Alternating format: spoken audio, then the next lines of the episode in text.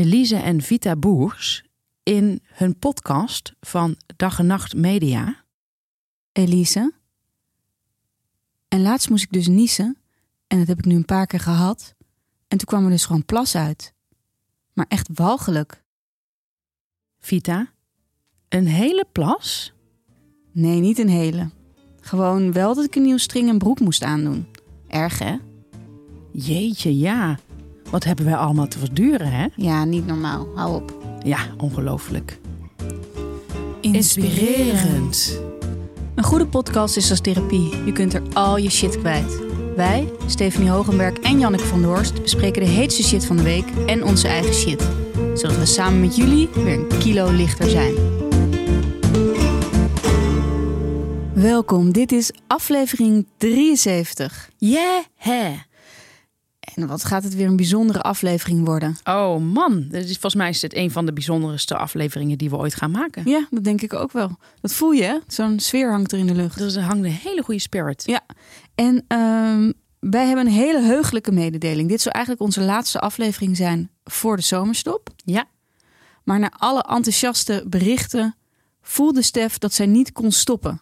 Met B&B vol liefde. Met B, ah, sorry, met B&B vol liefde. Ja, En zij heeft eh, zich opgeofferd om de komende tijd voor jullie naar B&B te kijken en dat er met mij te bespreken als ik in Frankrijk zit. ja. Op de, vanuit de camping.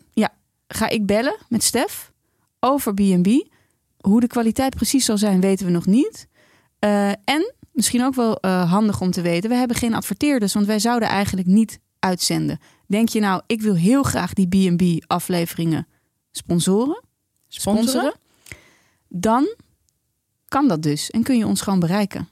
Ja, en dit is echt wel een heel erg leuk instapmoment. En dat is iets wat we niet vaak zeggen. Ja, want die afleveringen gaan als een tierenleer. Ja, dus eh, Ehm, je kunt dan mailen naar ehm, Jeroen. at streamtree.nl. En dan wil ik nog even iets zeggen. Eh, vorige week had jij het over mensen die dan ehm, iets gaan zeggen. Omdat jij was met iemand in de auto gestapt. Ja. En daar zei iemand iets over. Ja. En toen reed ik terug. En toen dacht ik, daar heb ik ook nog wel iets over te zeggen. En toen dacht ik vervolgens meteen... Volgens mij heb ik dat al een keer in de show gezegd. Nou, dat maakt helemaal niet uit, want mensen zijn hardleers. Ja, en toen dacht ik ook aan dat ze altijd zeggen tegen kinderen... ehm, je moet minstens tien keer iets proeven. Ja. dacht ik, misschien geeft dat dus ook helemaal niet. Daarbij zegt het ook iets over onze band met onze kijkers. Want van goede vrienden ken je sommige verhalen en meningen al. Ja. Heb je al een paar keer gehoord? En zeg je niet van, eh, dat verhaal ken ik al. Ja. Dus dit wilde ik er nog even over zeggen. Dus zou dus kunnen dat ik dit al eerder heb gezegd. Eh, maar laat het dan even goed tot je doordringen dan nu. Dan hoef ik het niet nog een keer te zeggen. Ik vind het eigenlijk zo gek dat mensen dat zeggen. Want diezelfde mensen gaan op een avond uit, ontmoeten daar een man en nemen die mee naar huis. Ja. Een wildvreemde man. Ik heb nog nooit gehoord dat iemand zei: huh, waarom neem jij een wildvreemde man mee naar huis die je hebt ontmoet in de kroeg op een avondje uit? Nee, heb ik ook nog nooit gehoord. Nee, en dat is toch eigenlijk hetzelfde. Dat is nog veel enger. Die neem je mee naar huis, je slaapkamer in. En weet ik veel wat meer. Ja, dat kan ook heel fout aflopen. Ja, En wat ik daar nog over wilde zeggen, wat ik vorige week niet had gezegd, is dat het eigenlijk altijd mensen zijn die dit zeggen. Van, oh, ben je zomaar bij een man? Want het gaat over, eh, dat ik zei, nou, mensen moeten maar even terugluisteren ook. Maar heel eh, korte samenvatting. Ik was in een auto, ik was alleen op reis eh, op Sicilië. En ben toen, heb toen een lift aangenomen van een It- Italiaanse man van mijn eigen leeftijd. En dat vonden vrouwen in Nederland die de thuisblijvers vonden dat, eh, nou gelukkig niet heel veel vrouwen, eh, ik ken ze, ken er niet gelukkig niet heel veel, maar sommige vrouwen zeiden, oh dat zou ik nou echt nooit doen, nooit, zou ik nooit doen, zoiets gevaarlijks. En toen dacht ik, het zijn eigenlijk altijd mensen die zelf eh, zich heel bereisd vinden. oh ja. Die hebben allerlei continenten wel een keer aangedaan.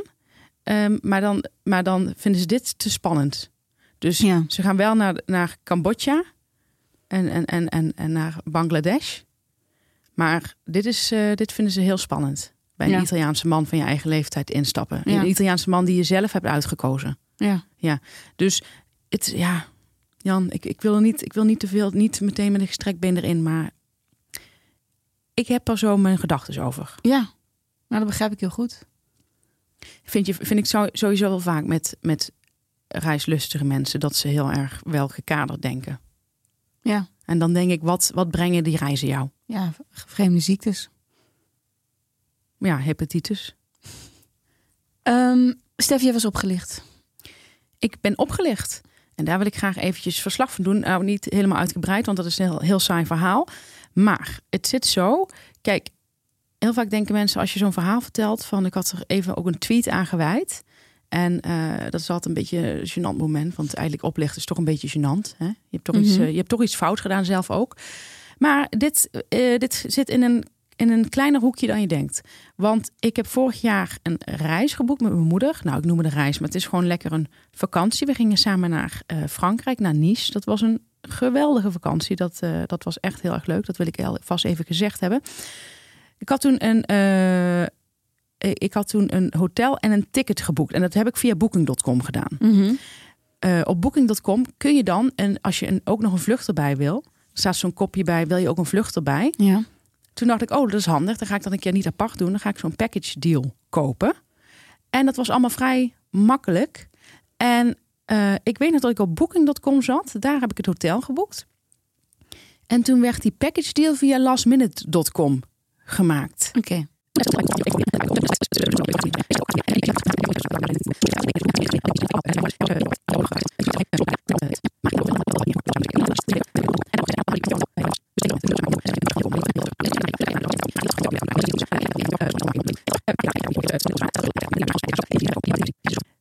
neer dat ik dus sowieso 1500 euro kwijt ben. Maar toen wilde ik die voucher gaan indienen. Ik had een code gekregen van lastminute.com. Ja. Dit is jouw code en die moet je dan even ergens invoegen. Ik dacht, nou prima, ga ik lekker een luxe hotel aan de kust in Nederland boeken.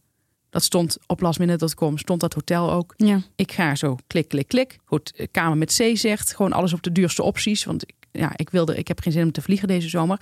Dus ik allemaal zo lekker. Ik denk, nou dan gaan we gewoon echt flink er tegenaan. Ehm, ik doe die code erin. Code doet het niet. Nou, lang verhaal kort. Ik heb gemaild. En dat is het ergste aan opgelicht worden. Ja. Je begint beleefd. Je denkt dan van, oh wat irritant dat die code nu niet doet. Maar goed, oké. Dan staat er, oh die moet je, zegt iemand in de chat van, oh die moet je eerst even activeren bij, de, bij dit e-mailadres. Nou, je, je mailt heel beleefd naar het e-mailadres van, zouden jullie hem kunnen helpen? Oh, dan moet je bij de, bij de customer service zijn. Nou, dan mail je de customer service, dan krijg je niks meer op terug. Ehm, dan ga je eigenlijk eens verdiepen in dat lastminute.com. En dan ben ik naar de Instagram ge- pagina gegaan. Toen ben ik naar de Instagram pagina gegaan. En toen zag ik dat daar alleen maar comments waren van allemaal mensen die ook zo'n voucher hadden. Van allemaal mensen, echt alleen maar dit soort comments eronder. Die voucher, die kun je nergens meer invoeren. Dit is dus gewoon een scam. Ja. Lastminute.com is een scam. Ja. En, Nooit bij boeken. ja, nou, dat is- dat is het zitten. Booking.com werkt met ze samen. Ja, maar dus voor vluchten.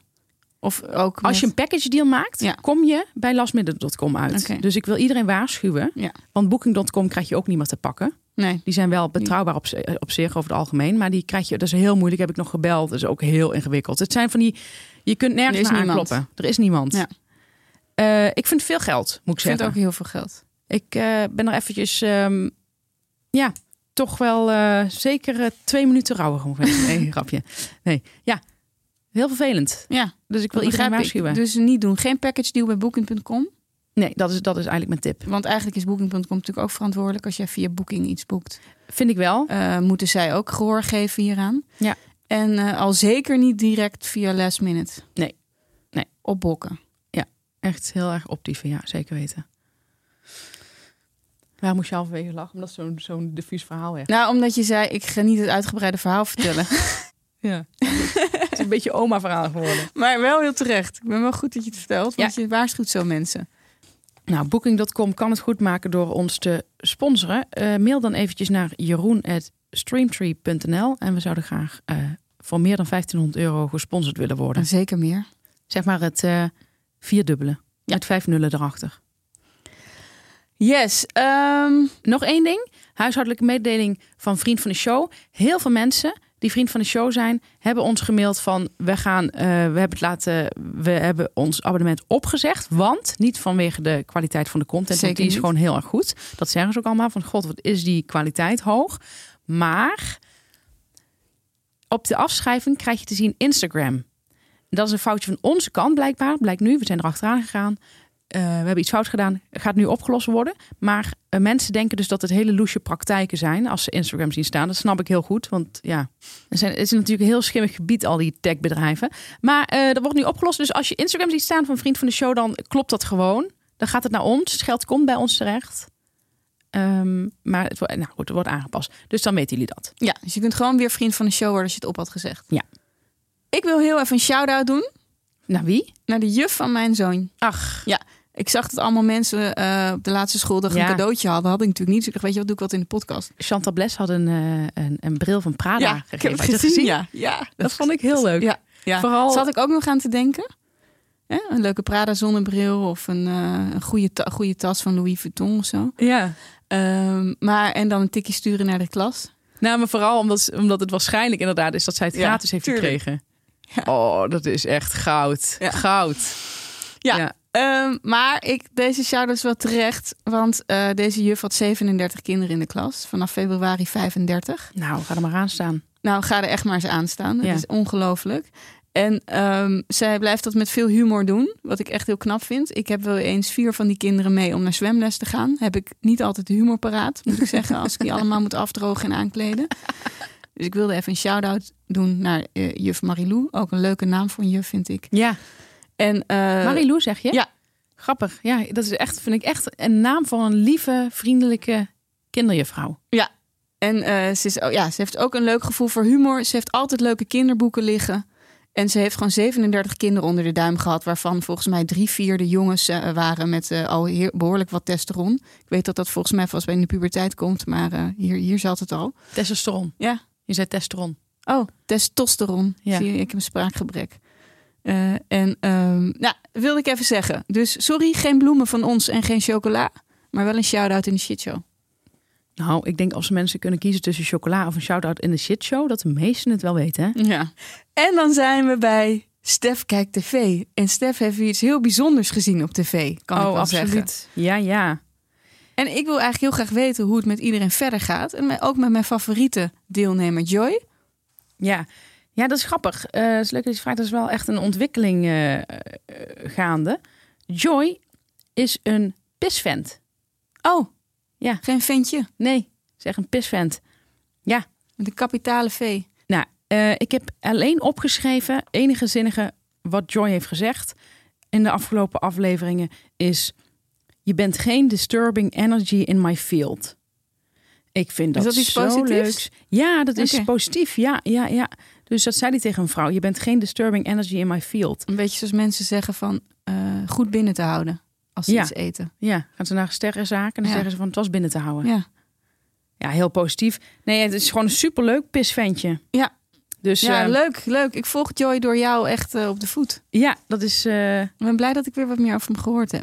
Nou, Stef, ga lekker beginnen. Nou, vorige keer zijn we gebleven bij. ik ga nu meteen beginnen met, ehm, met Walter, Oh ja, waar we gestopt waren. waar we gestopt waren. Ja, en Walter is echt wel mijn favoriet, Ja. omdat eh, er zit zo'n mooie ontwikkeling in ook. Mhm. Ehm, er komt eigenlijk wel voor jou iets heftigs aan, Oké. maar eh, ik vind gewoon, ja, ik vind Walter de leukste B&B om, om, om naar te kijken. Ehm, nou, we waren dus geëindigd bij, eh, bij, bij het ontbijt, waar Anne de pols vast heeft van Ingrid, de Mhm. wijkverpleegkundige, die er, nou, volgens mij dan net koud een dag is. Toen zei jij nog van, nou, ik zie wat daar gaande is. Ja. En toen moest ik nog even nadenken. Toen zei ik nog wat dan. Mhm. En toen zei jij powerplay. Ja. Dat woord gebruikte je niet, maar dat bedoelde je wel, denk ik. Hè? Ja. Powerplay. Nou, ze zitten daar aan het ontbijt. En ik vind het zo leuk. Anne, ja, dat is eigenlijk mijn... eh, nou, niet eigenlijk, dat is mijn favoriet. Eh, die zegt dan... Walter, even praktisch dingetje. Eh, deels eh, praktisch, maar ook vanuit romantisch oogpunt. Maar eh, de oesters moeten vandaag op. Zullen wij die vanmiddag gaan eten? Vind je dat goed? Heb je daar zin in? Drie vragen. Ja, vind ik gewoon. Er is weinig ruimte. Mhm. Zeggen de ander ook dit in de kamer van, nou ja, Anne geeft laat weinig ruimte over. Zelfs, kijk, zeg maar, de energie voel je als kijker niet. Maar ik kan me voorstellen dat als je erin zit, dat het vrij bedrukkend is. Nou, Walter geeft daarop aan met zijn hele rustige, zalvende stem dat hij vandaag eh, een paar dingen wil doen. Hij zou bijvoorbeeld eh, graag het gras willen maaien. En dan zegt Anne: Oh, ik wil graag maaien. Mag dat? En dan zie je Walter verbleken. En dan zegt zij, maar mag ik maaien? En toen gaat haar niet snel genoeg, het antwoord. Nou, eh, zeg maar, een, een, een, iemand die een rustigere energie heeft, Mhm. die zou daar aanvoelen dat Walter niet meteen ja zegt. En dat dat een teken zou kunnen zijn dat Walter zelf heel graag het gras wil maaien. Ja. Want meestal hebben die mensen met zo'n grote B&B en zo'n grote eh, omgeving, Ja, zo'n eh, leuk app. zo'n- tractortje Precies. En dan wil je zelf op zitten. Even dus- tot rust komen. Precies eventjes je eigen gedachten weer kunnen horen. Ehm, nou, en dan komt er, dat vind ik echt een geweldige scène.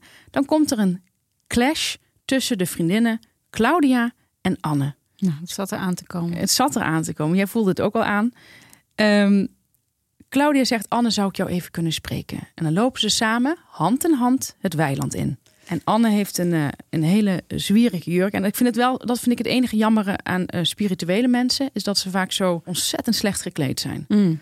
Mag ik dat zeggen? Ja. Nou, dan lopen ze samen het weiland in. En dan eh, gaat Claudia al pratend zeggen van... Ja, ehm, dat zij vindt dat Anne haar woorden gebruikt. En dat dat een stukje is dat van haar is. Dat zegt Claudia. Dat is een stukje van mij en dat, pak jij. En dan blijft, gaat Anne stilstaan. En dan schrikt Claudia zegt ze... Laat me even uitpraten. Ja, zegt Anne. Maar ik wil even jou aankijken als je iets tegen mij zegt. Nou, dat begrijp ik heel goed. Dat lopen is, vind ik best wel afleidend. Dus dan staan ze, de handen in elkaar, staan ze tegenover elkaar. En dan zegt Claudia, ik heb de laatste dagen gemerkt dat eh, ja, ik, be- ik gebruik bepaalde woorden. En die vertel ik dan aan jou. En dan ja, een paar uur later hoor ik ze jou gebruiken. En dat zijn dan woorden als, ja, dit is echt geweldig, goud. Retraite en magie.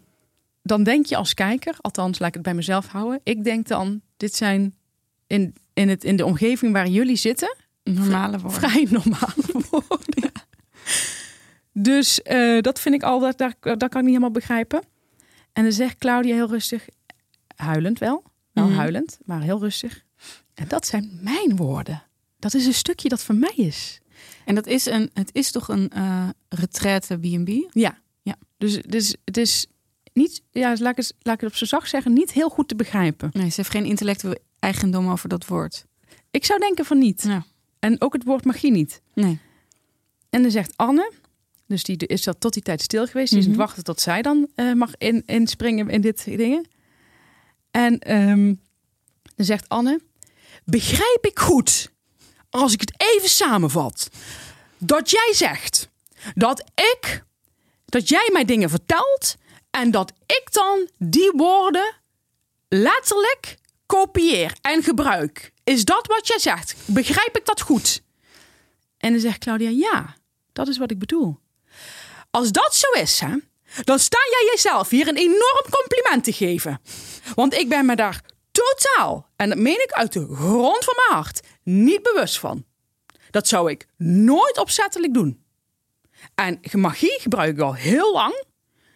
En dan zegt Claudia nog iets van, ja, het woord magisch, maar magie niet. Magie gebruik ik al heel lang. En dan zegt Claudia heel rustig van, ja, ik wil geen compliment aan mezelf geven.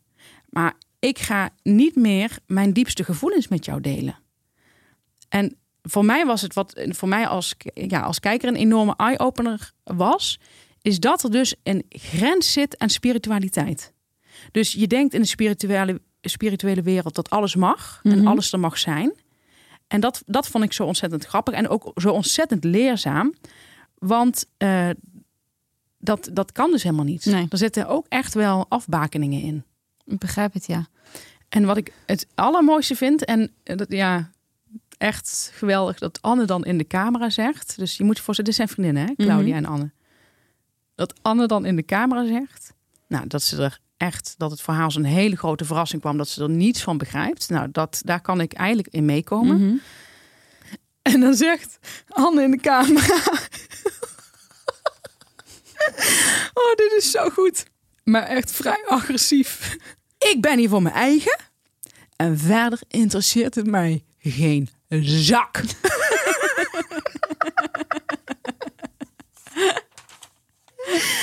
en dat vind ik zo mooi, want dan denk ik, ja, weet je, eh, ook spirituele mensen kunnen pit hebben. Ja, En die kunnen ook voor zichzelf gaan. Ja. Dat denk je, je denkt van niet dat dat juist, dat, dat juist de mooie kant van de spiritualiteit is. Hè? Dat, dat gewoon iedereen alles mag. Ja, alles kan, verbondenheid. En als het maar om die verbinding gaat en Ja. alles.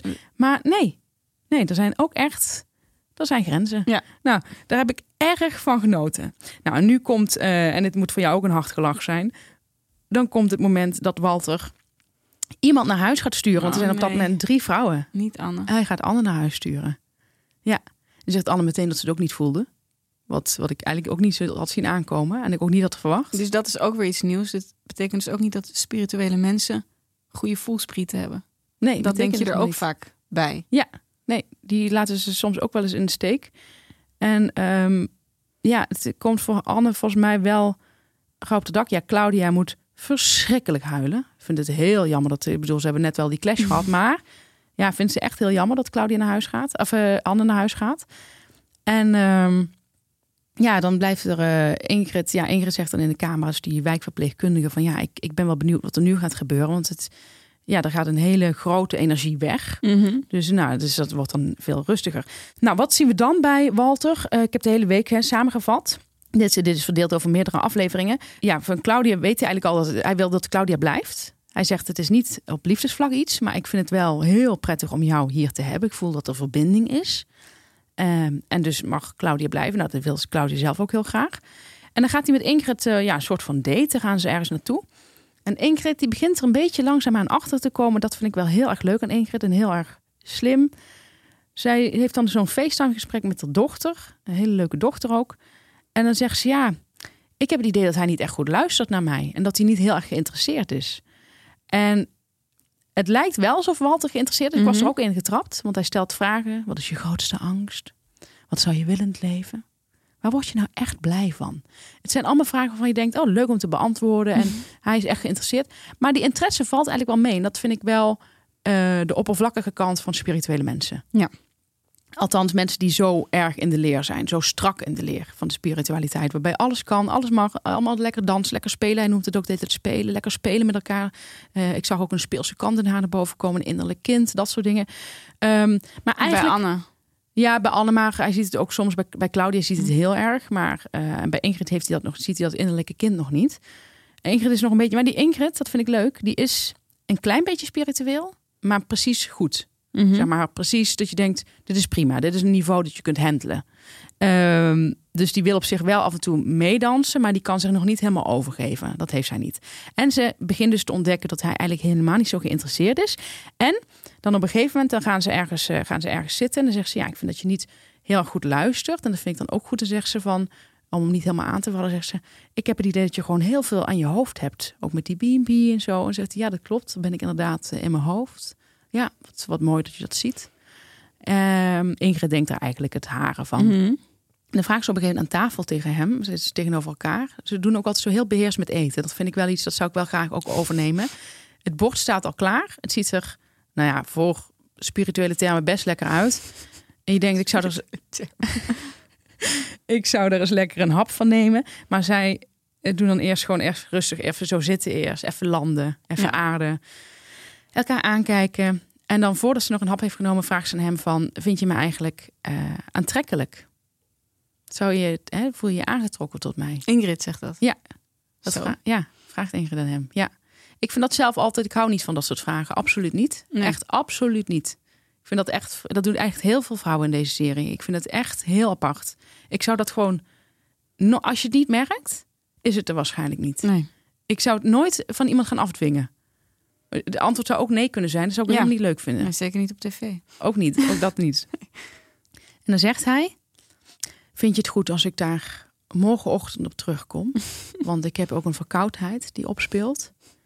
En zou ik wel heel fijn vinden als ik ja, nog even nacht kan slapen en dat ik dan morgenochtend jouw antwoord geef. En dan zegt zij: Dat vind ik echt hele erge bullshit. en dan denk ik: Ingrid, je bent een topwijf. Eh, dus Ingrid begint het een beetje door te krijgen. Die Walter, ze begint hem te ontmaskeren. Daar heeft Walter natuurlijk helemaal geen zin in. Nee. Dus eh, Walter vindt haar eigenlijk, zegt hij al in de camera, maar dan wel, wel nog zalvend. Maar je merkt dat, er al, dat hij al iets hoger in zijn energie begint te raken. Mhm.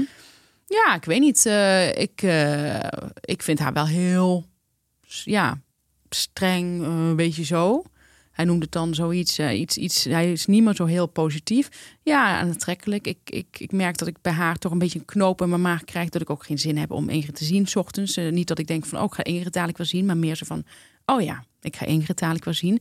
Dus, nou ja, dus dat vind ik, eh, vind ik interessant. Ehm, Hij doet het beter bij vrouwen die wat meer problemen hebben, denk ik. dat denk ik ook, ja. Dat denk ik ook. Ik denk dat hij daar veel beter op gaat. Ik, ben even, ik heb even een kleine stap overgeslagen. Maar dat is dat hij intussen heeft die Claudia de deur gewezen. Oké. Ja, sorry hoor. Ja. Ik wou nog zeggen van hoe zit zij er dan naast? Maar Nee, dat is eventjes... zij, eh, zij was toch wel niet zo aanwezig, maar Nou, ze was op een hele prettige manier aanwezig. Zij is weggestuurd. Zij is, eh, ze heeft wel nog één keer in, zijn schoot geklommen. Ze hebben nog flink zitten knuffelen. Ehm, zij heeft ook aan hem gevraagd, vind je me aantrekkelijk? Zou het, zou het toch meer kunnen worden? En dan zegt hij nee. En dan zegt ze, oké, maar dan ga ik toch naar huis. En dat gaat eigenlijk dat vind ik ook wel goed. heel goed. En Claudia heeft dan denk ik toch een leercurve meegemaakt. Want zij moet dan niet huilen. Oh, En dat is eigenlijk het eerste moment dat we haar zon met droge ogen zien. Zonder tranen, ja. Dus dat is wel heel bijzonder. Dus Ze, heeft, zij is gegroeid. Gaan we door naar Petri. Weet jij nog? oh, ik wil nog één ding vragen hierover. Ja, mag wel. Is er al iemand nieuws gestuurd naar naar eh, Waltag? Waltag. Nee, nog niet. Oké. Het is nu alleen nog even Ingrid. Ja, spannend hè? Ja, Ja, ik vind laten ze spannend. expres natuurlijk een beetje, Ja, een beetje zo doorsudderen. Ja, Tot dat, sudderen. eh, Ja, mooi.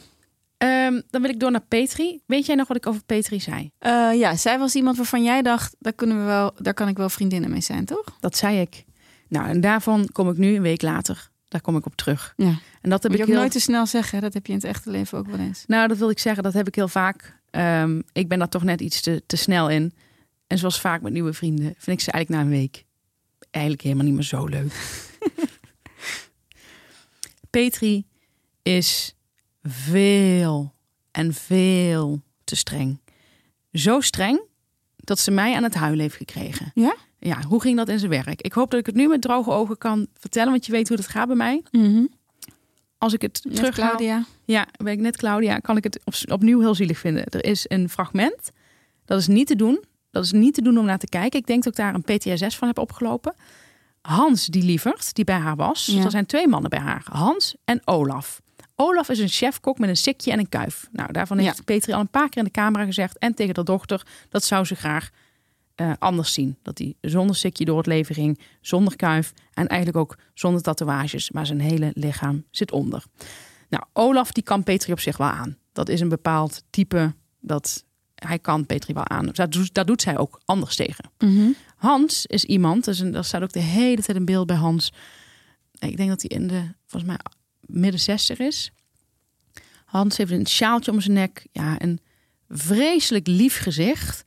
Altijd een klein beetje traanogen. Je ziet wel een beetje een verdrietige blik ook bij hem. En dan staat de hele tijd een beeld vrijwilliger. En dat doet mij elke keer een klein beetje pijn. Omdat ik elke keer denk, dit is zo'n gever. Zo'n Mhm. man die heel veel te geven heeft. En eh, ook bij Petri zit hij allerlei hand, aller, allerhande klusjes te doen. Alleen dan is op een gegeven moment is hij net iets te voortvarend met één klus. Oh, dit is zo'n erg fragment. Dan heeft hij, gaan, gaan Olaf en zij gaan iets, iets leuks doen. Of weet ik het, even ergens wat drinken. En dan gaat hij zich, eh, gaat hij een boom snoeien. Die bij Petri op de binnenplaats staat. Ik voel het al aankomen. Ehm, maar dat is zo'n boom, die, die, die kun je al zien als zij aankomen lopen. En dan, oh. Hans stond op het weggetje. Maar was het eigen initiatief of had ze al iets over die boom Ze gezegd? had wel iets over die boom gezegd. Ja, hij moest die boom een beetje snoeien. Oké. Dus je ziet hem met een heggeschaar staan. Je ziet, het beeld is Hans met de heggeschaar. Hij staat vrij tevreden naar die boom te kijken. Op de grond allemaal bladeren van de dingen die hij gesnoeid heeft. Die boom is van één kant nu kaal. en aan de andere kant gewoon groen. Weet je, zoals heel veel ouders hun kinderen knippen. Ja, precies. Goed punt. Petri komt aan met Olaf. En Hans is best wel rood van het zoegen. En Petri zegt... Hans, wat is dit? En hij zegt, ja, wat vind je ervan? En zij zegt, zal ik zeggen wat ik ervan vind? Doe mijn zonnebril even ervoor af. Ik kom hier aan. Ik zie die boom. Ik ben meteen helemaal niet blij. Maar echt niet blij. En hij zegt...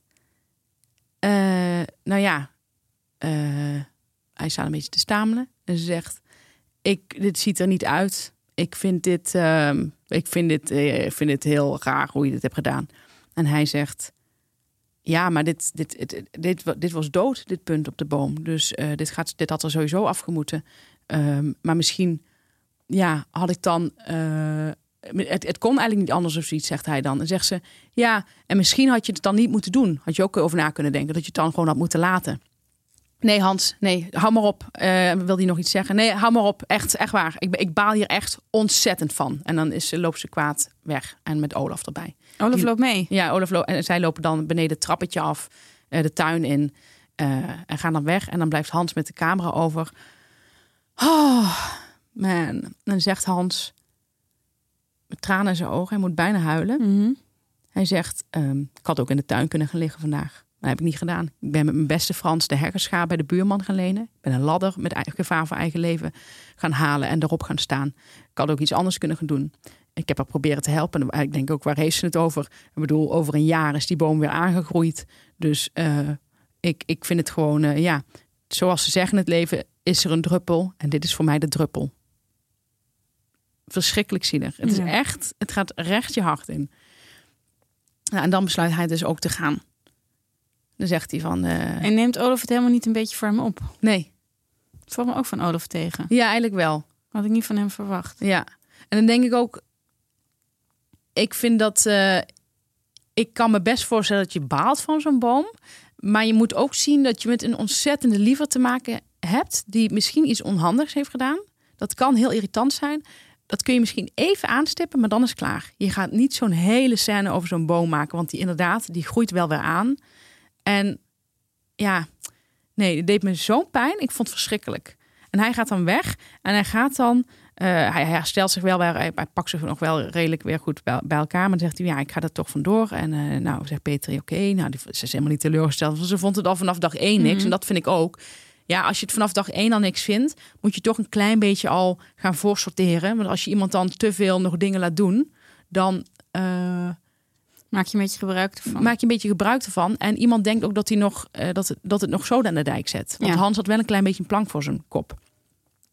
En dan moet hij weg en dan zegt Olaf van eh, de volgende ochtend van, ze zegt, ja, je hoeft niet meteen je spullen te pakken. Zegt hij, nee, dat ik ga morgenochtend, oké.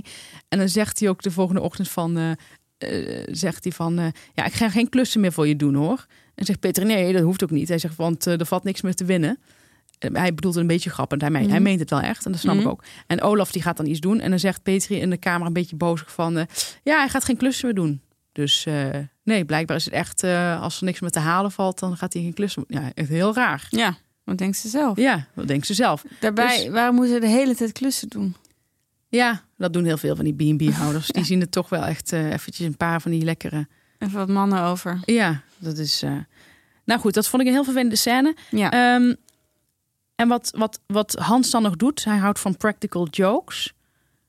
En hij gaat dan, als Petri met Olaf even iets gaat doen, of ze gaan even boodschappen halen of zo. Is dat al nadat hij weggaat? Ja, dan gaat hij weg, hij pakt hij zijn koffer in en dan gaat hij overal, heeft hij hele kleine badeentjes. Echt van die hele kleine badeentjes, echt een stuk van, weet ik veel, 40 in zijn hand. En die gaat hij overal door het huis verstoppen.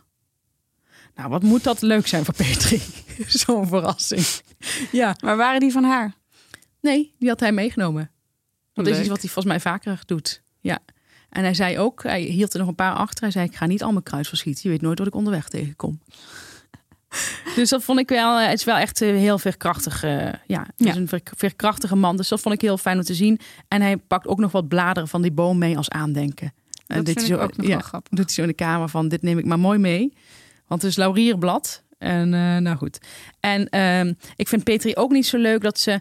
Olaf zit dus helemaal onder de tatoeages. En dan gaat ze aan hem vragen van... eh, ja, hoe zit dat nou? Hou je zo van tatoeages? Waarom heb je ze er zoveel laten zetten? Maar het zijn geen echte vragen, want ze luistert niet naar zijn antwoord. Dus hij zegt, nou ja, dit vond ik mooi, dit vond ik mooi. En eh Dries Muus zei ooit een keer... ik ben altijd als dood dat mensen me het verhaal achter een tatoeage Ja. willen vertellen. Ben ik het helemaal mee eens. Dat is het allersaaiste wat iemand je kan vertellen. Maar zij vraagt ernaar. En dan zou ik zeggen, als je ernaar vraagt, Wees dan ook geïnteresseerd. wees dan ook geïnteresseerd. Ja. Dus op een gegeven moment zegt, hij, zegt ze, heb je nog meer ergens? En zegt hij, ja, op mijn been heb ik Lady Gaga. En dan zegt zij, van, en hoe kwam je daar dan bij? En dan zegt hij, nou ja, ik wil dat voor mijn dochter. Maar dat je echt op je benen zo... Dus hij, hij wil iets vertellen over Lady Gaga en zijn dochter. Daar was ik nou wel echt eens even benieuwd naar, wat Ja. daar dan zat. Maar dan laat ze hem niet uitpraten. Dus het is geen echte interesse. Ze zitten eigenlijk alleen maar af te keuren. Ja. Dus zij valt me een beetje tegen. Ja, ik denk wel als Petri de beelden terugziet. Het is wel een vrouw met ehm, zelfreflectie, denk ik. Dus ik denk wel dat ze, dat ze wel een klein beetje zal schrikken ook. Ja. Ja. ja. Dus dan zijn we bij het derde kop, bij de derde B&B van de vijf die ik wil bespreken. Ehm, je hebt Marianne. Weet je nog wie Marianne is? Ik weet zeker nog wie Marianne is. Daar hebben we ook een mooie Instagram-post van gemaakt. Absoluut, zeker weten. Ja, absoluut. Marianne is de vrouw die heel graag ligt. Ja. Die het fijn vindt om bediend te worden. Ja. Door een man. Daar heeft ze aan Olof een hele goeie. Dat is werkelijk, ja... Elke Olof? Ja, je hebt Olaf met een sikje. Oh ja. En dit is Olof. Ja, ik dacht Daar heeft iedereen ook heel veel moeite mee. Ja, ik dus het is ook helemaal niet gek dat jij daar moeite mee Ja. hebt. Ja. Nee, Olof, eh, een gouden man. Echt een gouden man. Eh, Een beetje zo'n man met de schouders een beetje zo omhoog. Weet je, zo'n beetje zo'n kleerkast. Eh 75 jaar, ontzettend vitaal, ontzettend fit. Echt zo iemand die nergens een hand voor omdraait. Sterker nog, er komt op een gegeven moment een extra man bij. Dus een derde man. En dan ehm, zijn er kamers te weinig. Want Marianne heeft ook twee vriendinnen over voor een feest. Er zijn er kamers te weinig. En dan zegt Olof uit zichzelf van eerst eventjes zo van ja, wat kunnen we nou doen? Wat kunnen we nou doen? Eh, Jan, de advocaat, de hele drukke man Mhm. met duizend complimenten per uur, die wil absoluut niet zijn kamer afstaan. Ook niet met Olof delen. Dat doet hij niet. Olof zegt nee, nee, nee, dat vind ik ook wel. eh, mijn kamer met een man delen, dat nee, dat vind ik ook. eh, dat, eh, daar heb je gelijk in, Jan. Dat moeten we niet doen. Heel rustig, heel hele, een hele leuke man. En wat doet Olof dan? Die staat zijn kamer af aan de nieuwe gast en gaat zelf in het boothuis liggen. Dat is de, het huis waar de zwembadpomp in zit. Oh ja. Een ontzettend rommelig huisje. En dan legt hij een stretcher en dan gaat hij op die stretcher liggen. Maar het is echt, als je het ziet, ja, ik zou er echt niet willen liggen. Een soort schuur. Eigenlijk een soort schuur. Ja. Ja, want, en Marian zegt ook, oh, ik vind het zo erg. Zo erg, dat kan toch niet? Dat iemand daar gaat liggen, dat vind ik echt niet. Maar er is eigenlijk geen oplossing. Dus ze zegt alleen maar van, ja, ik vind het zo erg. Ja, ik kan gewoon zo zelf niet lekker slapen als ik weet dat er iemand daar... Nou, Olaf wordt dan om zes uur 's ochtends wakker van de, van de pomp. Maar dat vertelt hij heel vrolijk. Van ja, en ik wil alleen nog om zes uur wakker, want dan gaat die pomp van het zwembad aan. Maar daarna heb ik eigenlijk weer lekker verder geslapen. Nou, en energie te over die man. Jan, ja, dit is echt, komt weer iets geweldigs. Jan, en, het is een soort pinguïn, moet je je voorstellen. Het is een soort pinguïn met een veel te dikke buik. Eh, het is een man met hele kleine stapjes. Een man die hele kleine stapjes maakt. Het Ja, is een heel naar beeld. Ja, ik heb het voor me. Een heel naar beeld. En hij doet er ook een klein beetje zo'n klein beetje zo'n handje bij. Het is iets. Het is een afschuwelijk aanzicht, zal ik je vertellen. Ja. Ehm, het is ook een beetje zo'n. Een beetje een hotenne loop heeft hij of zo. Dat hele snelle en dan zo'n handje. En ook gewoon echt zo heel duidelijk. Zo, je ziet van deze man doet gewoon helemaal niks eh, in zijn vrije tijd. Van, Franse adel. ja, een beetje dat, inderdaad. Ja, ja dat is goed. eh, heb je van goed gezegd. Jan, die is, ehm, ja, of het lot het zo gewild heeft, dat weet ik niet hoor. Dat, dat moet de kijker eh, zelf, de luisteraar zelf invullen. Maar Jan is doodziek. Hij heeft iets verkeers gegeten waarschijnlijk en ligt in bed. Net op het moment dat er een feest is s'avonds. En hij had er ontzettend graag bij willen zijn. En dan filmen ze hem terwijl hij plat ligt in bed. Heel mooi bed. En dan zegt hij, oh, ik ben toch zo ziek. Het zal toch niet eh, dat ik hier nu, eh, dat ik naar huis moet. Ik vind mijn gezondheid echt zo belangrijk. En oh, en ik zal toch niet naar huis moeten. En net nu het feest is, ik had me er zo op verheugd om met de gasten te praten. En nou goed, het is, een beetje zielig wel. En wat ik heel, heel, heel erg goed vind van het camerawerk weer, is dat ze in de tussentijd, dus ze laten hem even in beeld even babbelen. En dan doen ze wat shots op stillevens in de kamer. Het handdoekje van de, in de wasbak. Hij, heeft, hij zegt, ik heb nog net de wasbak gehaald gisteravond. Nou, dan laten ze de wasbak zien met het handdoekje erin. Dan laten ze zijn bootschoentjes zien met daarom eh, eh, vier eh, vuile sokken. Vind ik, ja, het is niet normaal veelzeggend, dit shot. Zo van die kleine bootschoentjes. En dan laten ze al zijn gekleurde polo's, die ook al allemaal zijn gedragen, die op een hoopje liggen, laten ze ook even zien. En laten ze allemaal zo twee seconden, Mhm. twee seconden, twee seconden in beeld zien. En dan weer een shot op die doodzieke Jan. Nou, dat vind ik hele, ja, hele interessante beelden. En eh, het, het beste shot is als op een gegeven moment Jan, dus we gaan weer even wat andere dingen doen. En dan op een gegeven moment komen we terug bij Jan en dan ligt hij in de badkuip. Eh, naakt. Eh, dus je ziet alleen nog zo'n beetje zo'n borsthaar zo erbovenuit. Hij heeft wit op de lippen, schuim. En dan zegt hij, oh, ik ben toch zo ziek, ik ben toch zo ziek. Oh, het zal toch niet dat ik naar huis moet. Dat zou ik zo erg vinden. Maar ik heb altijd met mezelf afgesproken. Gezondheid gaat, is echt mijn nummer één. Maar het idee dat ik Marianne moet verlaten. Met die handjes en die voetjes en haar loopje. Alles vind ik leuk aan haar. Alles. Wat een vrouw. Dus hij heeft dat al die tijd echt gemeend, die complimenten. Die handjes, die voetjes. Nou, dat is echt eh, werkelijk afschuwelijk. Marjan zegt in de tussentijd beneden de camera van... Ja, nee, Jan, is toch geen man voor mij. Nee, ik moet hem echt, zodra hij eh, een beetje zich beter voelt... moet ik het wel echt gaan zeggen, want het wordt nou wel eh, een beetje zielig. Nou, dus op een gegeven moment dan komt Jan naar beneden... en die is helemaal weer... eh, zegt volgende ochtend aan, aan Marjan ligt dan op een bedje, dat mag eh, geen verrassing zijn. Die ligt op een bedje met haar, eh, met haar telefoon en haar boomerflap zit ze lekker te scrollen. En dan komt Jan aan, zo met dat pinguïnloopje zo. En dan zegt hij van, eh Marian, oh schat. Oh, ik was zo ziek, maar ik, ben weer, ik voel me weer een stuk beter. Gisteren dacht ik nog dat ik naar huis ging, maar vandaag denk ik, oh gelukkig, ik kan nog blijven. Nou, Marjan denkt natuurlijk, dat is Ja. niet de bedoeling. En dan zegt hij, dan wil ik jou iets vragen. Je mag echt nee zeggen. Je mag echt nee zeggen. Nou, heeft een soort doodsangst die ik in haar ogen zie. En dan zegt hij van, deze zalf, zou je die op een plek willen smeren? Want daar kom ik zelf niet bij. Dan moet, die, moet ze op die, op die love handle, moet ze dan die zalf... Zegt ze, nou dan doe ik dat toch zo. Maar ga eerst eventjes lekker een bakje yoghurt eten. Dat vind ik dan wel leuk, want het zijn wel van die vrouwen die eh, wel voor goede producten houden. Van die, allemaal van die gezonde dingetjes en zo. Mhm. En dan, eh, zo'n vrouw die wel zegt van, ga even lekker wat... eh, ik, ik vind dat altijd van die vrouwen, die hebben altijd een beetje zo'n... eh, heel fijne huis, tuin en keukenwijsheid op het gebied van medicijnen ook. Ja. Die weten zo, he- die onthouden heel goed welke medicijnen werken, dat soort dingen. Het zijn van die vrouwen die geen paracetamol geven als je eh, buikpijn hebt, maar gewoon lekker Specifieks. iets, lekker een advilletje of lekker een, ja, gewoon even iets stevigs. Gewoon niet van dat geprut. Dat, dat, dat soort mensen hou ik wel heel erg. Ehm, dan zegt ze na het ontbijt van Jan, moeten even praten. En dan zegt ze van, eh, begint hij gewoon helemaal, hè? Dus zij zegt van Jan, moeten even praten. Kom even mee naar boven. Jan, je hoort het helemaal niet. Je denkt niet van er komt iets aan. Nee. Oh, maar Jan, ben toch zo blij dat ik kan blijven. Ben toch zo blij. En zij zo, ja. Ja, nou, ik ben heel blij dat je weer beter bent. Oh, ik dacht even gisteren van, oh, ik zal toch niet naar huis moeten, weet je? Dat ik dat ziek naar... En ze denkt van, god, Samme, dit is zo'n gestoord gedrag. Gewoon, Ja, het is ook gewoon een buikgriep, toch? Zo klinkt het. ja, maar op die leeftijd weet je het nooit, hè? Oh, oké. En het is een hele hoge leeftijd. Eh, en had het schuim op zijn mond, hè? Niet, verge- Mhm. niet vergeten. Hij had zo'n speekseldraadje toen hij sprak in bad. Oh, het was echt niet prettig om naar te kijken. Maar dan, eh, dus hij zende, zende, zende. En Marjan probeert dan... En dan merk je dat Marjan toch wel een succesvol makelaarskantoor heeft. Mhm. Want dit doet, doet ze heel goed. Ja, nou, ik ben heel blij dat je weer beter bent. Maar ik denk wel... Heb ik, heb ik, ook, ik heb gisteren ook zitten nadenken. Ik denk wel dat het verstandig is als jij voor je gezondheid nu kiest en naar huis gaat. Nee, nee, nee, schat, maak je niet druk. Ik dacht dat gisteren ook, maar ik blijf gewoon. Ik voel me weer fit.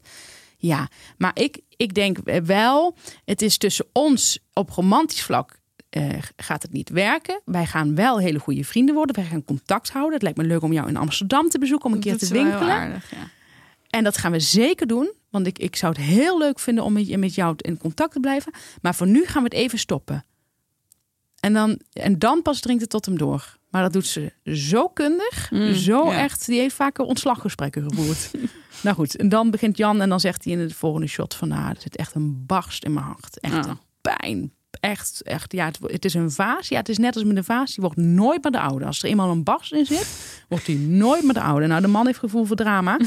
Ehm, dus dat was Marjan. Ja, Olaf blijft. Olaf tilt dan ook nog, zoals die, had, was ik vorige keer vergeten te vertellen. Hij had de koffer al getild van Jan. Want Jan zei van, Olaf, zou je me kunnen helpen met die zwaar... Ik heb een hele zware koffer bij me. Zou jij die naar beneden kunnen tillen?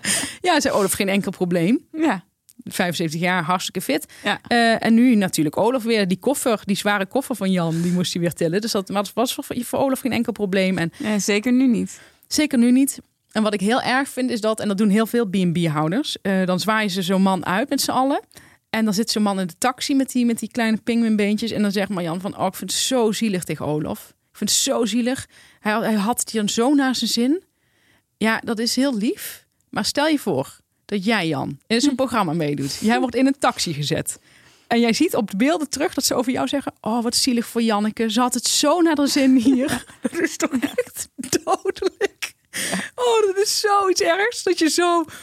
Ja, dus daar zit dus eigenlijk niet zoveel empathie bij, vind ik. Nee. Want als je je echt verplaatst, moet je dit niet zeggen. En zielig is ook meteen zo, zo groot of zo. Je kan zeggen, oh wat jammer, had het zo leuk. Ja, zo. en ook dat maakt jou dan toch een beetje zielig. Ja, Dus het is wel een beetje van... zo- Iemand is in de, in de, in de bloei... In, in, in- ja, in de bloei. Maar ja, bij deze gebroken vaas begrijp ik het wel een beetje. Zeker. Ik denk dat hij het zelf ook zo voelde. Zeker, ja. Eh, ik denk En zij loopt weer naar binnen met, met Olof. met Olaf en dat is een andere man. En die, heeft mij best wel, die maakt best wel kans, denk ik. Het is ook zo'n hele fitte, fitte 70er.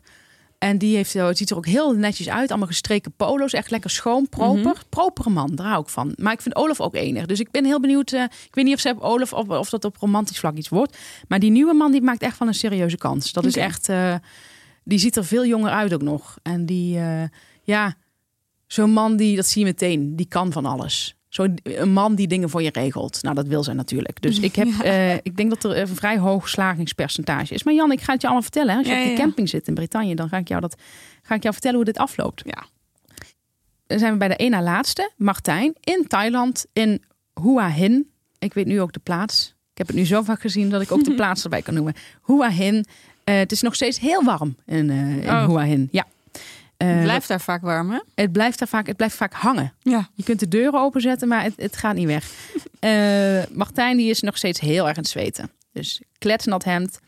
Ehm, en nou, eh, Bianca is daar dus. Dat is die blonde vrouw met dat witte tuniekje, slippertjes aan. Ja. En had ik al verteld, ze is suikerpatiënt. Dus ze is ook zo'n witte... Heb ik de hele tijd over gedaan om te achterhalen wat het nou Oh, voor een ja. witte, wit plakkaat op de arm is. Maar- Diabetes 1. is dat diabetes 1? Ja, toch? Oh, dat wist ik niet. Dat dacht ik. Dat Ja. vind ik heel interessant. Wat is Ga ik dan... nog Oké, uitzoeken. leuk. En Bianca was enthousiast met alles wat ze proefde. Inksvis, deegballetjes. Ja. Ze vond het helemaal geweldig. Ze zag zichzelf daar al helemaal wonen. Ja, ik vind het altijd ongelooflijk hoe makkelijk mensen daarover denken. Ja. Dat je gewoon zomaar in Thailand gaat wonen. Ja, het is echt geen haar op mijn hoofd. Zelfs niet in een ander land dan Nederland. Nou, ehm, Martijn, die zit dus lekker te zweten. En dan komt er een nieuwe vrouw. Ja, hij laat eigenlijk Bianca en haar lot over. Dat merkt zij ook. Ze vindt het helemaal niet leuk. En dan komt er een nieuwe vrouw, Diana. Diana is even groot als Martijn. En dan denk je, nou, dat is toch niet zo heel bijzonder. In dit geval wel, want Martijn is 1 meter, nou toch zeker 95, schat ik. ja. Dus hij zegt ook in de kamer van, zo, ze was wel groter dan ik had gedacht. Ze is gelukkig niet groter dan ik. Maar ze is wel, eh, ja, ik denk wel even groot. Diana en Martijn zijn qua postuur helemaal hetzelfde. Echt best wel groot. Zeker Mhm. in Thailand.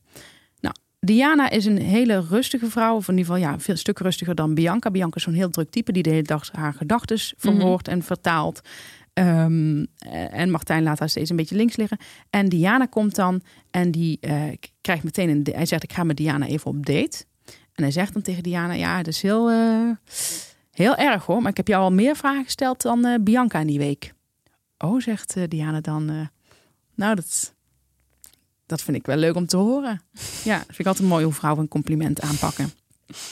Dus dat is een, je merkt wel, dat is een veel betere match. Die Diana is wat rustiger. En die is heel open. Dat vind ik heel eh, leuk. Ze gaan dan ergens een, oh, een bloedordinair strand. Ik vind het zo verschrikkelijk. Hè? Dat, oh, ja, ik hou er echt niet van. Met jetskis en allemaal grote Bananen. plastic bananen en plastic beesten op de zee. En het is een drukte van je welste. Dan gaan ze in zo'n cafetaria zitten met, en dan gaan ze kippenboutjes eten. Daar houden ze allebei heel erg van, van kippenboutjes. En dan vertelt Diana dat ze zich zo ontzettend eenzaam voelt in Nederland. Dat ze al eh, dat ze bij de tweede zwangerschap is verlaten door de man voor een ander. En dat ze, volgens mij, zoals ik begrijp, tot sindsdien single is. De Mhm. dochters zijn nu in de twintig. En dat ze het heel erg mist en dat ze zich heel erg eenzaam voelt. En dan zegt, is het dan echt eenzaamheid? En dan zegt zij, ja, het is echt eenzaamheid. Ik mis echt, ik mis echt iemand eh, om dingen mee te delen. Nou, dat vind ik echt heel Ja. eh, lief dat iemand dat zo kan zeggen. Ook zonder tranen, gewoon, Mhm. gewoon eerlijk zo. Nou, dus je gunt het haar heel erg. En dan komt er een momentje, nou, ik denk dat jij ook wel, heb jij ook ervaring mee, weet ik. Dan geeft Diana bij thuiskomt, wil ze hem nog een cadeau geven aan Martijn.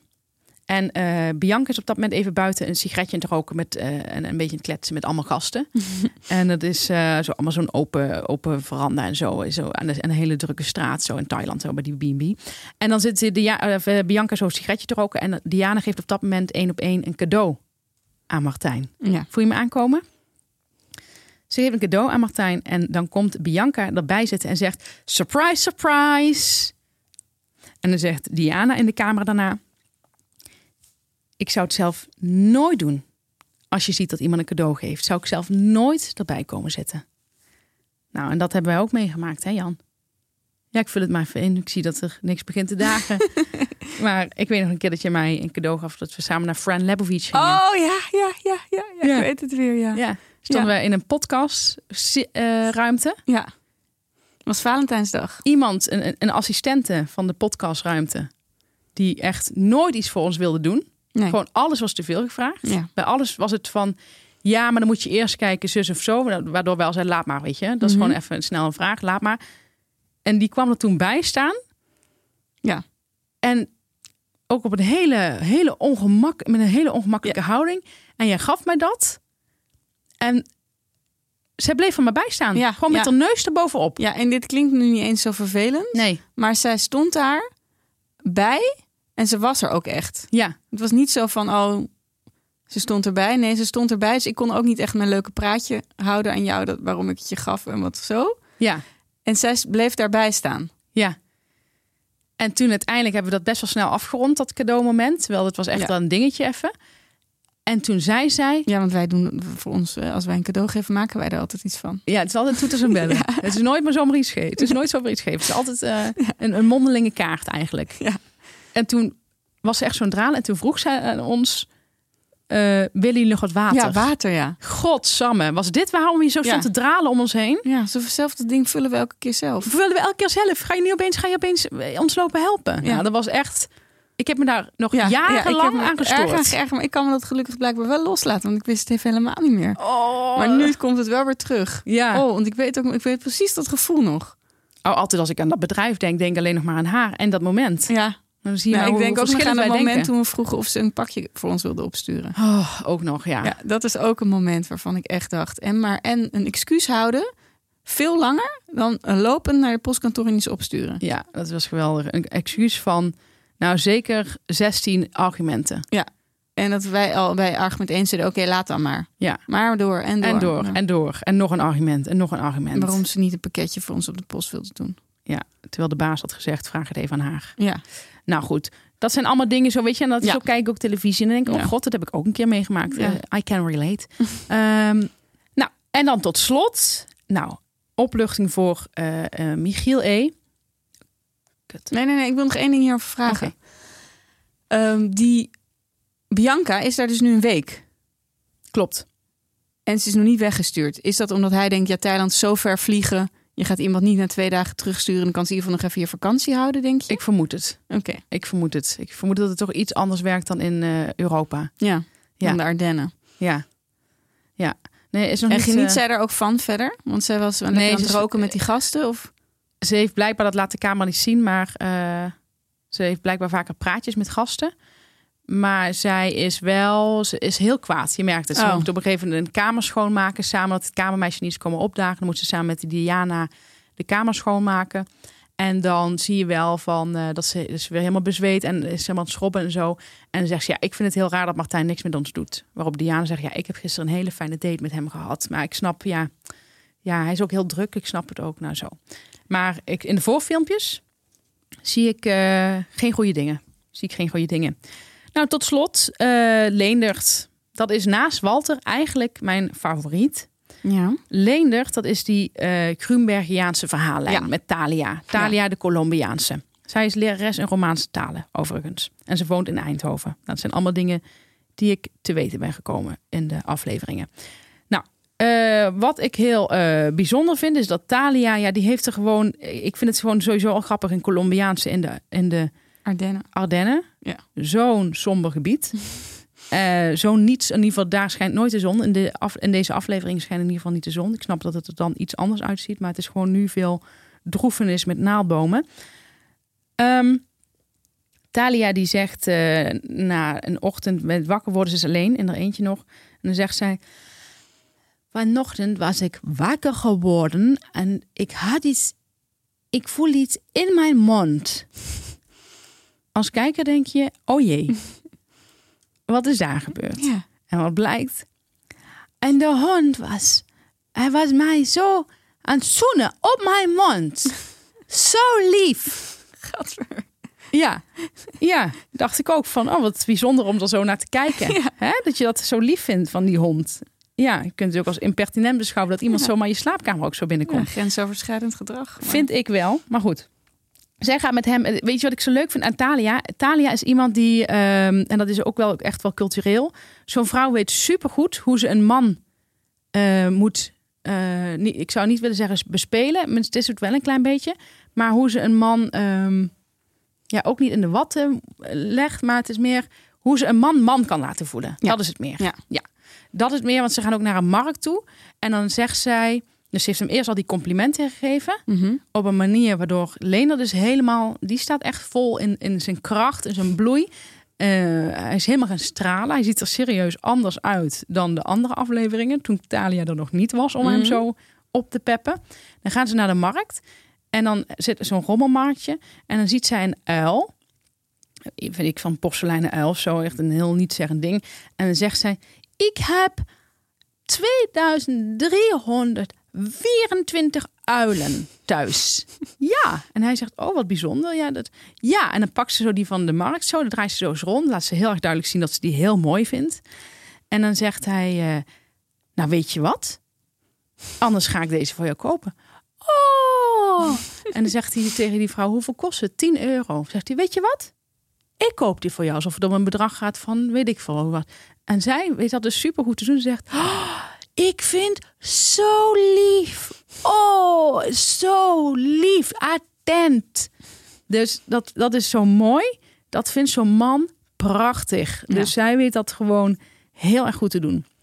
Komen ze terug van die rommelmarkt, zit Talia voor op een plastic stoeltje bij het huis met een eh, doekje tegen haar mond, want ze heeft een bloedlip. Hoe komt dat nou?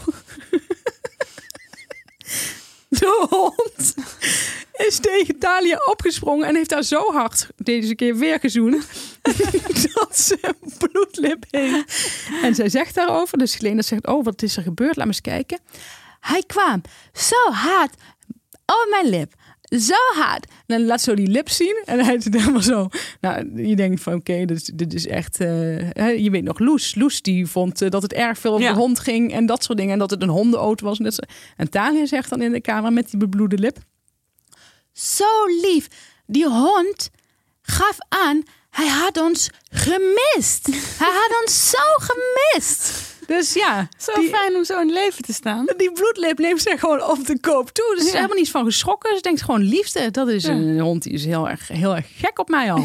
Ja. Nou, dus dat is echt... eh, ja, dus zit je dan echt zo naar te kijken dat je denkt... nou, hier kan ik inderdaad echt wel wat dingen van, van meenemen. Ook in Ja. mijn leven.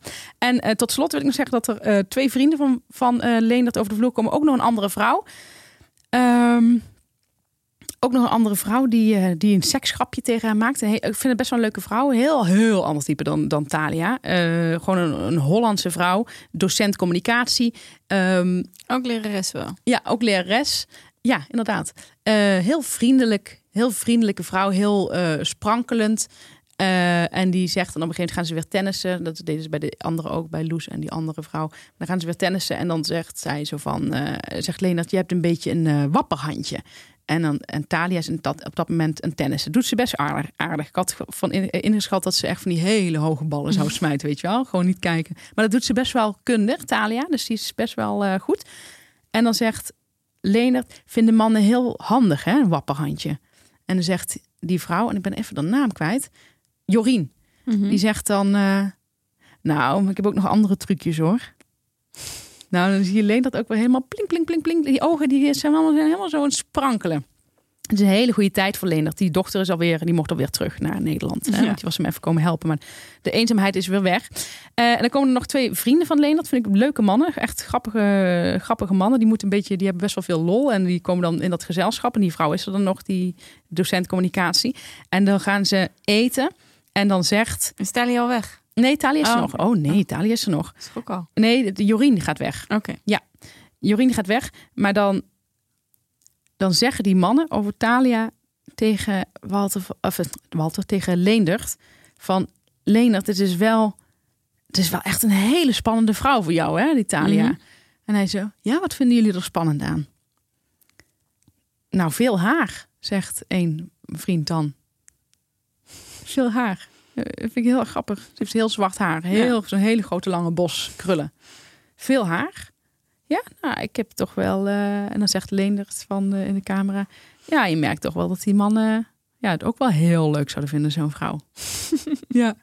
ja, dat is prachtig. Wat een ontwikkelingen. Dus ik ben heel benieuwd hoe dat met Talia en Leendert gaat. Want ze hebben laatste, laatste, een van de laatste shots was dat ze lekker aan het salsa dansen waren in de keuken. Dat ze helemaal zo helemaal los ging. En dan moest hij dan ook... Hij moest dan ook bij Heupwiegen... Nou, je ziet het al helemaal voor je Leendert die dan al jaren niks meer heeft gedaan. Hij, zei, hij noemt zichzelf ook een oude molen. Hij, zei, hij noemt zichzelf ook of een oude molen of een stoomboot. Hij zegt, ja, die oude molen die moet dan weer even los in de heupen worden. Dat, dat duurt even voordat dat weer op gang is. Dus hij zit zo'n beetje... Maar hij heeft het ontzettend naar zijn zin. En hij heeft een hele leuke lach. Hij heeft de lach van Peter R. de Vries. Oh Ik heb er lang over gedaan, maar hij heeft de lach van Peter R. de Vries. Ja. Dat is een hele fijne lach. Ja. Zo'n man die een beetje streng kijkt zo. Beetje norsig zo. Dan helemaal open. Maar dan één keer, je ziet gewoon, Peter R. de Vries kon ook een beetje kinderachtig lachen. Van plezier. Ja. Nou, dat was het, Jan. Leuk. Ja. Volgende keer spreek je in Frankrijk hierover. Ja, leuk. Leuk. Ehm, dank. Ik vond het weer een prachtig, prachtig, eh, prachtig cadeau wat je ons allemaal geeft. Wat je allemaal voor ons doet. nou, ja, ik... Ik zou je geen vrijwilliger willen noemen, maar het zit er dicht tegenaan. Nou, dankjewel. Dat vind ik heel lief dat je het zegt. Dat vind ik heel lief.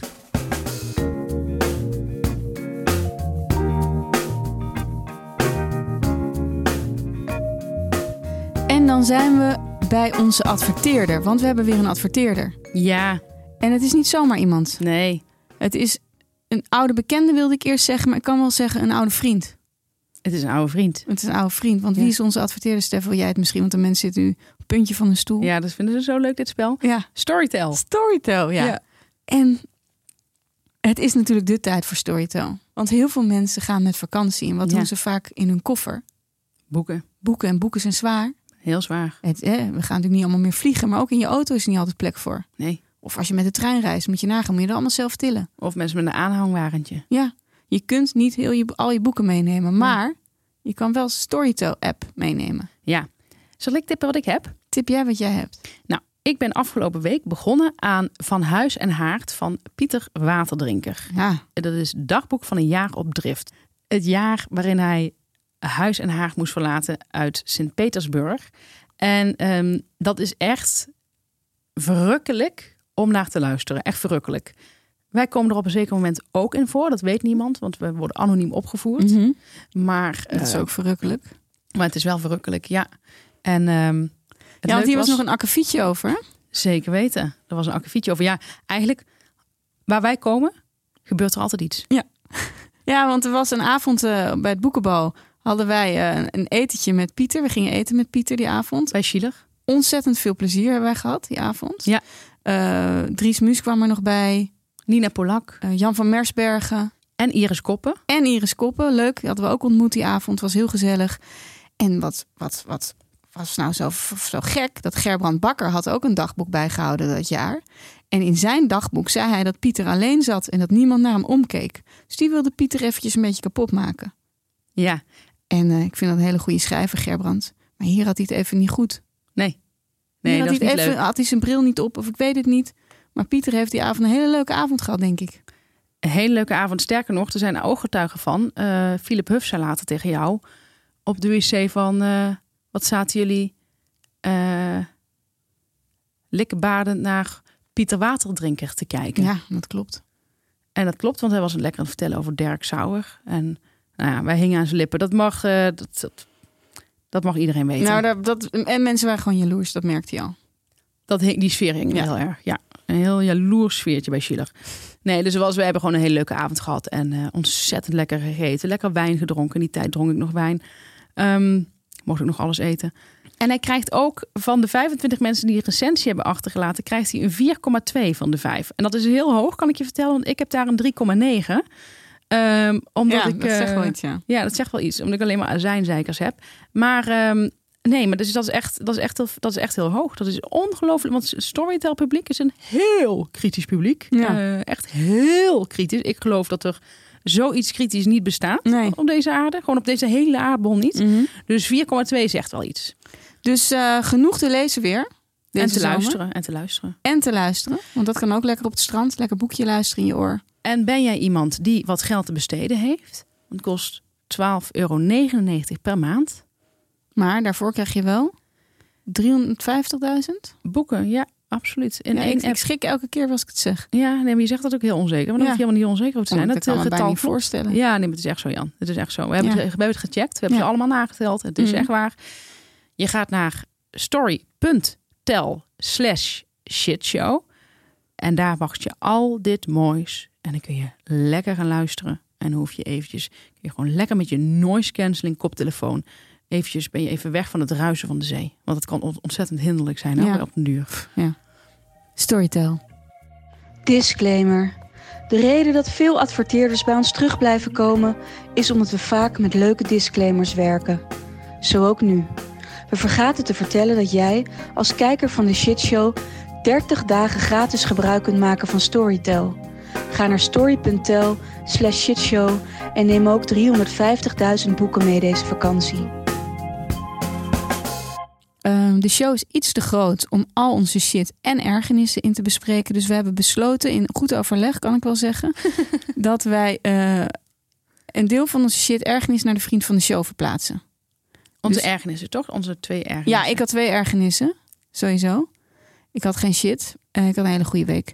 En ehm, Ik heb ook twee ergernissen. ja, dus we doen ieder een ergernis nog in de vriend van de show. Nou, één ergernis eh, van jou wil ik alvast horen. Hier. Mijn ergernis is mijn klasje Frans. Oh ja. Mijn klasje Frans. Waar erg ik me nu aan? We hebben een hele vriendelijke lerares. Elke keer als ik haar zie, denk ik, ach, wat een vriendelijk gezicht. ja. We hebben best wel leuke, eh, ik heb best wel leuke medeleerlingen, vijf in totaal. Dus het gaat allemaal via Zoom. Het is twee Mhm. keer per week, op maandag en op woensdag. En wat stelt mij nou zo teleur? De ehm, niet sprankelende manier van lesgeven. Die Oh. gaat als volgt. We gaan met z'n vijven een filmpje kijken van iets van eh, een bepaald, bepaald netwerk. En weet je wel, zo, zoals je Frans Facile?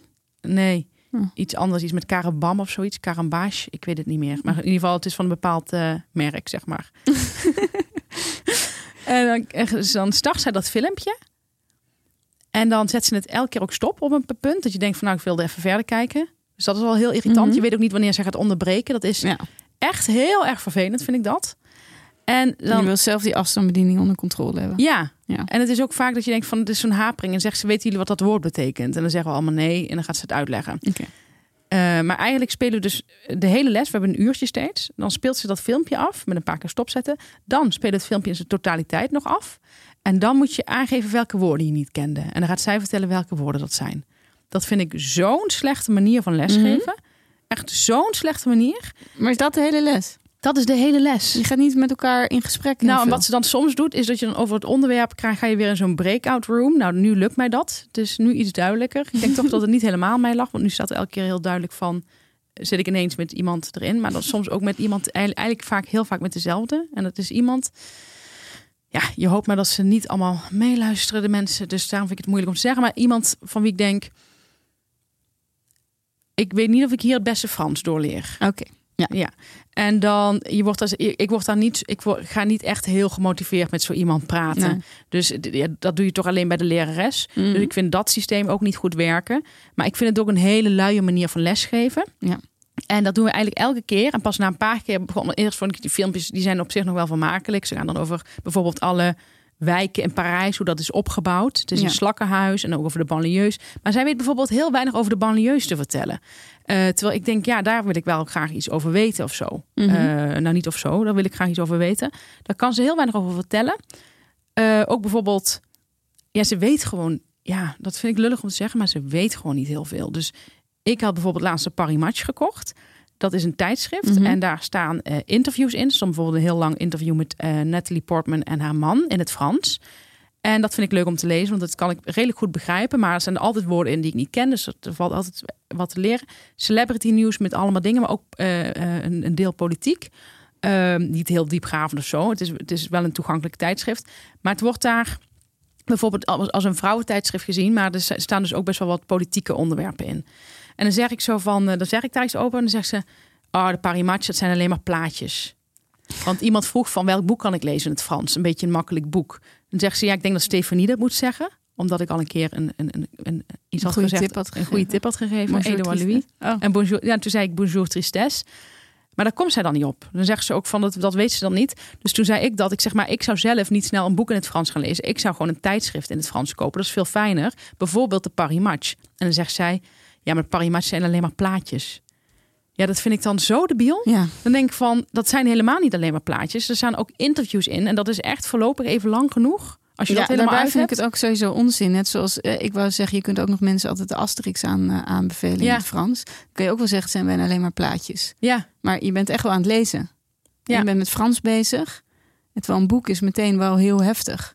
Ja, dat bedoel ik. Ja, want dat vind ik ook dat is heel veel te ambitieus plan. Ja. Maar dan zegt zij dan ook niet van, dat is een beetje te ambitieus. Dat vind ik eigenlijk dat je als lerares als moet zeggen. ja. Dus daar stoor ik me aan. En het is dus, wat ik zeg, het is een hele vriendelijke vrouw. Maar ik merk gewoon dat ze niet superveel weet. Op een gegeven moment zei ze, wat zouden jullie willen leren? Nou, toen hadden we allemaal input. We zeiden, nou, we zouden wat meer van Macron willen horen. Hoe jullie daar tegen aankijken. Ja, als Fransen, hoe Fransen Mhm. daar tegen aankijken. Dat is toch leuk als je dan Ja. met een... En dan zegt ze, ja, er is nu een rumeur. Een eh, rumor, een eh, gerucht. Dat eh, zijn vrouw, maar ik had het woord rumeur niet meteen eh, verstaan. Dat eh, zijn vrouw, dus ik dacht dat het een soort breaking news was Mhm. dat zijn vrouw eigenlijk een man is, Brigitte. Dus ik zei echt, dus ik was helemaal puntje van mijn stoel. En toen kwam ik erachter, ik denk, oh, het is een gerucht. Oké, Ja. dat is dus niet waar. Dat is van de Michelle Obama gaat ook dat gerucht. Ehm, maar dat is dan, en dat is dan haar bijdrage. En daarna is Macron afgerond. Lijkt me ook wel heel vervelend gerucht als dat over je te ronde gaat. Ontzettend vervelend. Ja, eh, en het is altijd iets van extreem rechts. Ja. Geen, geen normaal mens kan dit bedenken. Zo debiel. Maar dat was van Michelle Obama ook een hele tijd. ja, eh, dat ging- heb ik nooit gehoord. Ja, er waren allemaal foto's van haar waar ze dan iets in haar broek had zitten. En zei ze allemaal, zie je, dat is een penis. Oh, ontzettend, ontzettend debiel. Dat is gewoon van, van het allerlaagste eh, soort, om, er zoiets, om, om zoiets te zeggen. Ehm, dus ik erg me gewoon heel erg aan deze onderwijsvorm. Methode, ja. en ik denk ook dat het staat voor iets groters. Dat gewoon heel veel mensen helemaal niet goed kunnen lesgeven. Dat ze gewoon niet weten hoe je ons... Als ik zelf een les Frans zou moeten geven aan mensen of, of Nederlands, dan zou ik eh, zorgen voor individuele aanspreekbaarheid. Dat je dus en vooral met Zoom, omdat je heel makkelijk, weet je, toch Ja. een beetje op je telefoon kunt gaan zitten. Ehm, dat zie je ook bij anderen op het scherm. Zie ik ook af en toe dat ze op iets anders aan het doen zijn. Ja. Individuele aanspraakbaarheid. Dus voor alle docenten die dit niet kennen, zorg dat je iemand, dat ze weet, dat je weet dat de, dat de eh, studenten weten dat ze elk moment kunnen worden aangesproken. Ja. Van Stefanie, wat is jouw mening hierover? En dat mensen dat weten, waardoor je gewoon de hele tijd moet blijven focussen. Ja. We blijven allemaal kind wat dat betreft. Mhm. En eh, ik vind haar dus niet heel gemo- gemotiveerd. En ze maakt zich er echt met, je, met een jantje lei vanaf. Ik denk, ja, woorden opzoeken, dat doe ik in mijn eigen tijd. Die schrijf ik op. Ja. En die moet, dat is ook de beste manier om. Ik heb namelijk best wel lang didactiek gehad. Je moet kinderen, als ze vragen wat een woord betekent, moet je ze altijd eerst eh, inductief laten werken. Dus eerst zelf bedenken wat zou het kunnen zijn, dan moeten ze het zelf opzoeken. En als ze dan, dan? als ze dan niet snappen in het woordenboek. En ja, of bij kleine kinderen vraag je van wat denk je dat het zou Mhm. kunnen betekenen als het in deze zin staat zoiets. En dan deductief. Dus dan kom je zelf met het voorbeeld. Maar zij doet meteen dus, zij vertelt even, eh, vaak ook in het Engels zegt ze dan wat het is. Oh ik ja. vind het zo slecht. Ja, ik denk gewoon, het, dit, zo geven heel veel mensen les. Dat is echt helemaal niet leuk. En ik vond het wel grappig dat laatst eh, waren er mensen die moesten meekijken met haar, nieuwe, nieuwe eh, docenten. Toen zei ze, ja, ik neem vandaag de les op als jullie het goed vinden. Nou, oké. En toen zei ze de les daarna, ja, ze hadden er niet zoveel aan, omdat ze dus dat filmpje hebben gekeken. Dus eh, deze keer doe ik even nog een keer. Maar dan gingen we een podcast luisteren en een tekst lezen. Dat was veel, veel interactiever. Mhm. Maar de les daarna ging ze weer met dat filmpje verder. Dus gewoon aarslui. Ja. Ja, hou ik echt helemaal niet Nee. van. Het is voor jezelf volgens mij ook helemaal niet leuk. Die doet dit gemakzucht. Allereerst Zoom les le- geven vind ik zelf ook altijd niet. Ik is ook helemaal niet zo leuk. Nee. Maar ik Maar heb er probeer er nog wel doen. iets van te maken. Ja. dan ging ik wel nog eh, zinnen. Ik zou altijd kan klare eh, hele handige zinnetjes ook geven.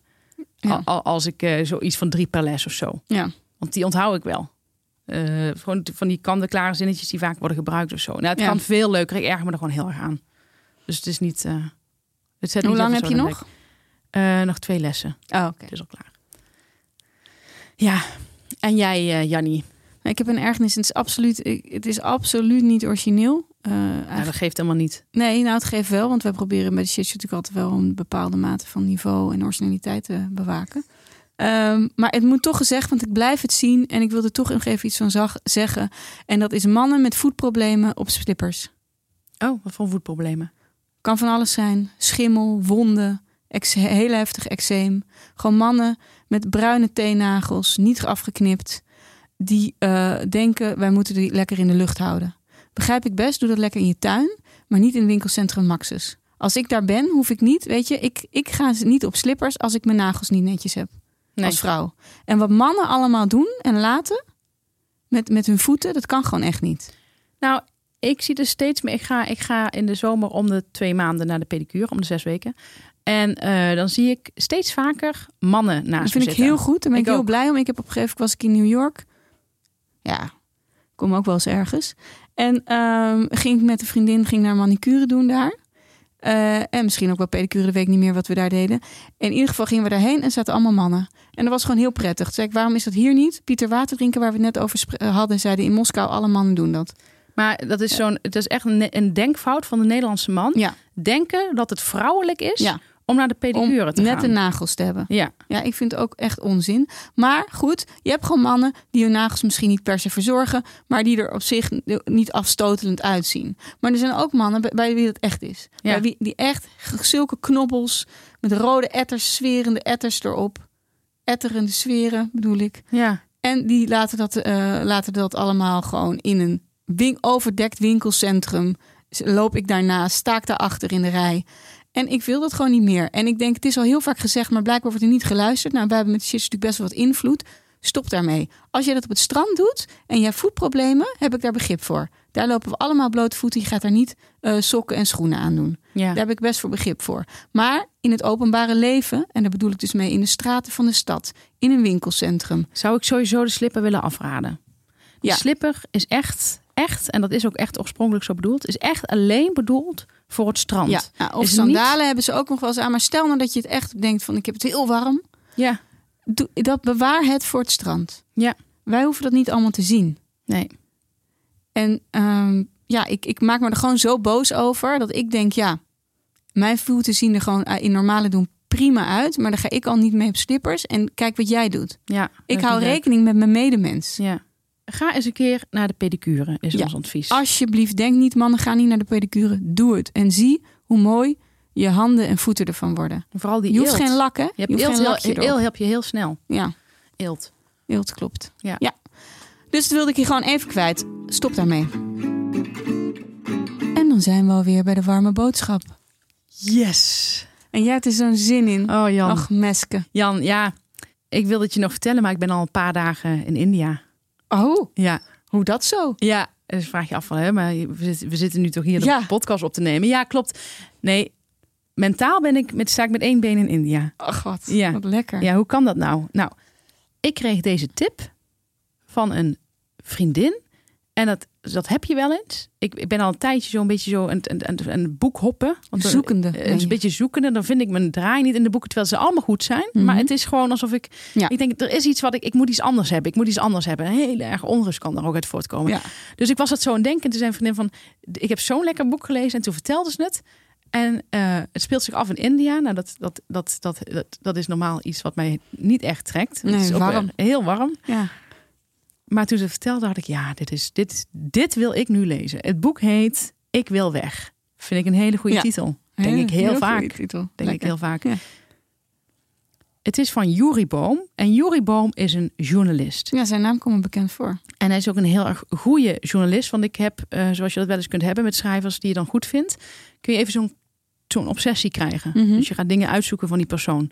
En toevallig kende een kantoorgenoot van mij, Juri Boom. En die zei, dit is een fantastische journalist. Heel veel humor, la la la. Had alleen maar, hij zegt echt een, echt een eh, journalist die zich ergens in vastgrijpt, vastzet, Oh, zoiets. lekker.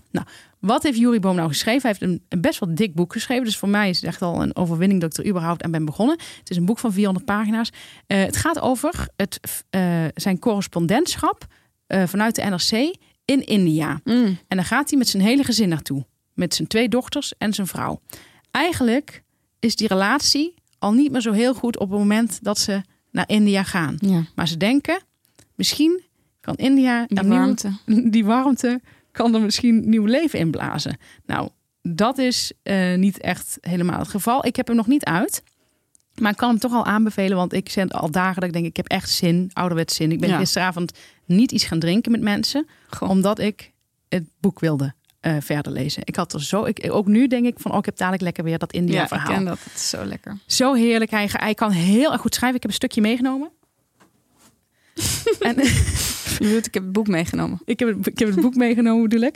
Ehm, hij schrijft echt heel erg goed.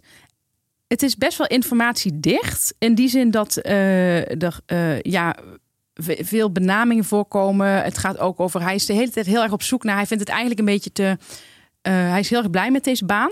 Maar hij vindt het eigenlijk een beetje te... eh, ja, kabbelend. Dus hij moet eh, een paar, een paar dingetjes verslag geven. Zo. Maar hij is eigenlijk oorlogscorrespondent. Oh ja. Dus hij heeft toch die kick nodig. Ja. Dus hij is de hele tijd op zoek naar... Wat is er nog meer? Ja, iets grimmigers. Hij wil iets Mhm. grimmigers. Dus dat is er. En dat leest ook best wel een beetje grimmig. En dan, die vrouw heeft hele andere belangen. Die op een gegeven moment hebben ze even een gesprek. En dan zegt hij: Hoe lang wil jij eigenlijk blijven? En dan zegt zij: Drie jaar. En dan zegt hij: Drie jaar? Ik dacht aan tien jaar. Oh, Ja. Maar ze hebben het wel van tevoren ook wel besproken. Mhm. Alleen toen, eh, zij is, zij is bang. Zij is bang op het moment dat bijvoorbeeld s'nachts eh moeten er, eh, mogen alleen s'nachts vrachtwagens rijden in eh, India. Mhm. Omdat het zo ongelooflijk druk is op de weg. Nou, ik, dit is voor mij een reden. Ik, ik denk niet dat ik ooit in mijn leven naar India ga.